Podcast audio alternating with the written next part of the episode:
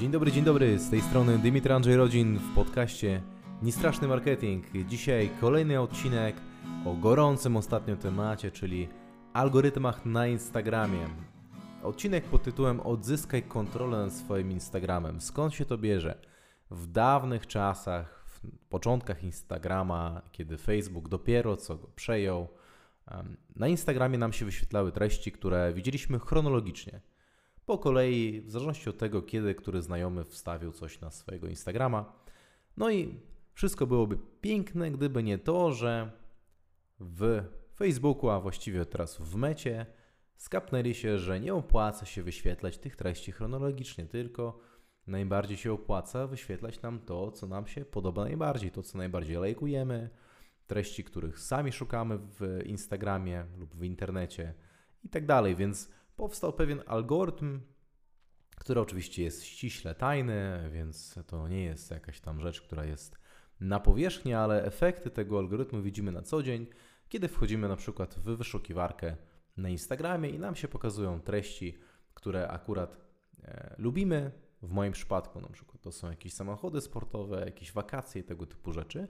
No i nie jest to oczywiście przypadek. No i teraz to właśnie jest algorytm, który dobiera w ten sposób content dla nas, ale też dobiera reklamy. W zależności od tego, co nam się podoba. Jeśli obejrzymy kilka samochodów, za chwilę zobaczymy reklamy tych samochodów. Obejrzymy kilka torebek, za chwilę wszędzie nam będą wyskakiwały torebki. E, nie wiem jak Was, mnie to trochę wkurza.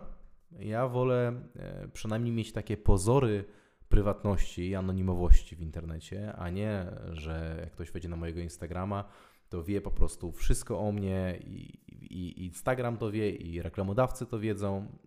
Jest to trochę niekomfortowe, przynajmniej dla mnie, pomimo że to nie są te samochody na przykład, czy wakacje, to nie są jakieś tam treści wielce straszne, to jednak e, ja się czuję nieswojo.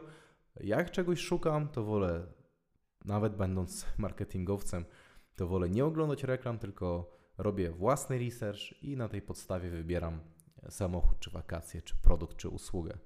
No i teraz od niedawna Unia zajęła się tym tematem, e, tematem prywatności, tematem dobierania też, też treści. Tutaj powodów było kilka, między innymi to, że tego typu treści później e, powodują, że osoby mają takie, a nie inne poglądy, czasami powodują, że jakby widzimy coraz więcej na przykład przemocy w mediach społecznościowych, albo widzimy coraz więcej tego, jacy są ludzie dookoła nas piękni, wśród szczególnie osób młodych jest to e, problem, bo można od czegoś takiego nawet popaść w depresję i tak dalej, i tak dalej, więc powody były jak najbardziej słuszne, więc Unia się tym zajęła i teraz ten algorytm można wyłączyć.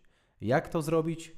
Wchodzimy w, na Instagramie w e, wyszukiwarkę, tam gdzie mamy te właśnie wyniki, e, które są dla nas spersonalizowane. No i e, jest tam taki przełącznik wyświetlaj treści chronologicznie. Oprócz tego jeszcze mamy w ustawieniach taką opcję wstrzymaj proponowane posty w aktualnościach i tutaj Instagram bardzo sprytnie zastrzegł sobie, że ta opcja będzie wyłączona przez 30 dni, a po 30 dniach automatycznie e, odnowi się, więc tutaj te, że tak powiem, długie ręce Unii jeszcze nie dotarły, bo wdrożyli to tylko połowicznie.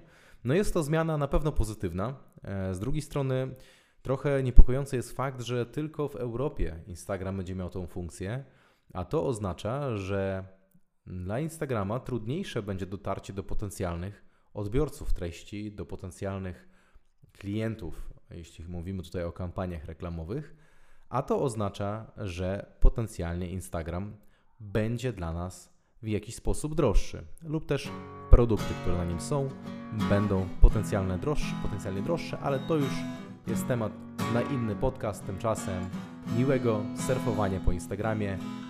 Był z Wami Dymitr Andrzej, Rodzin, podcast Niestraszny Marketing i do usłyszenia w kolejnym odcinku.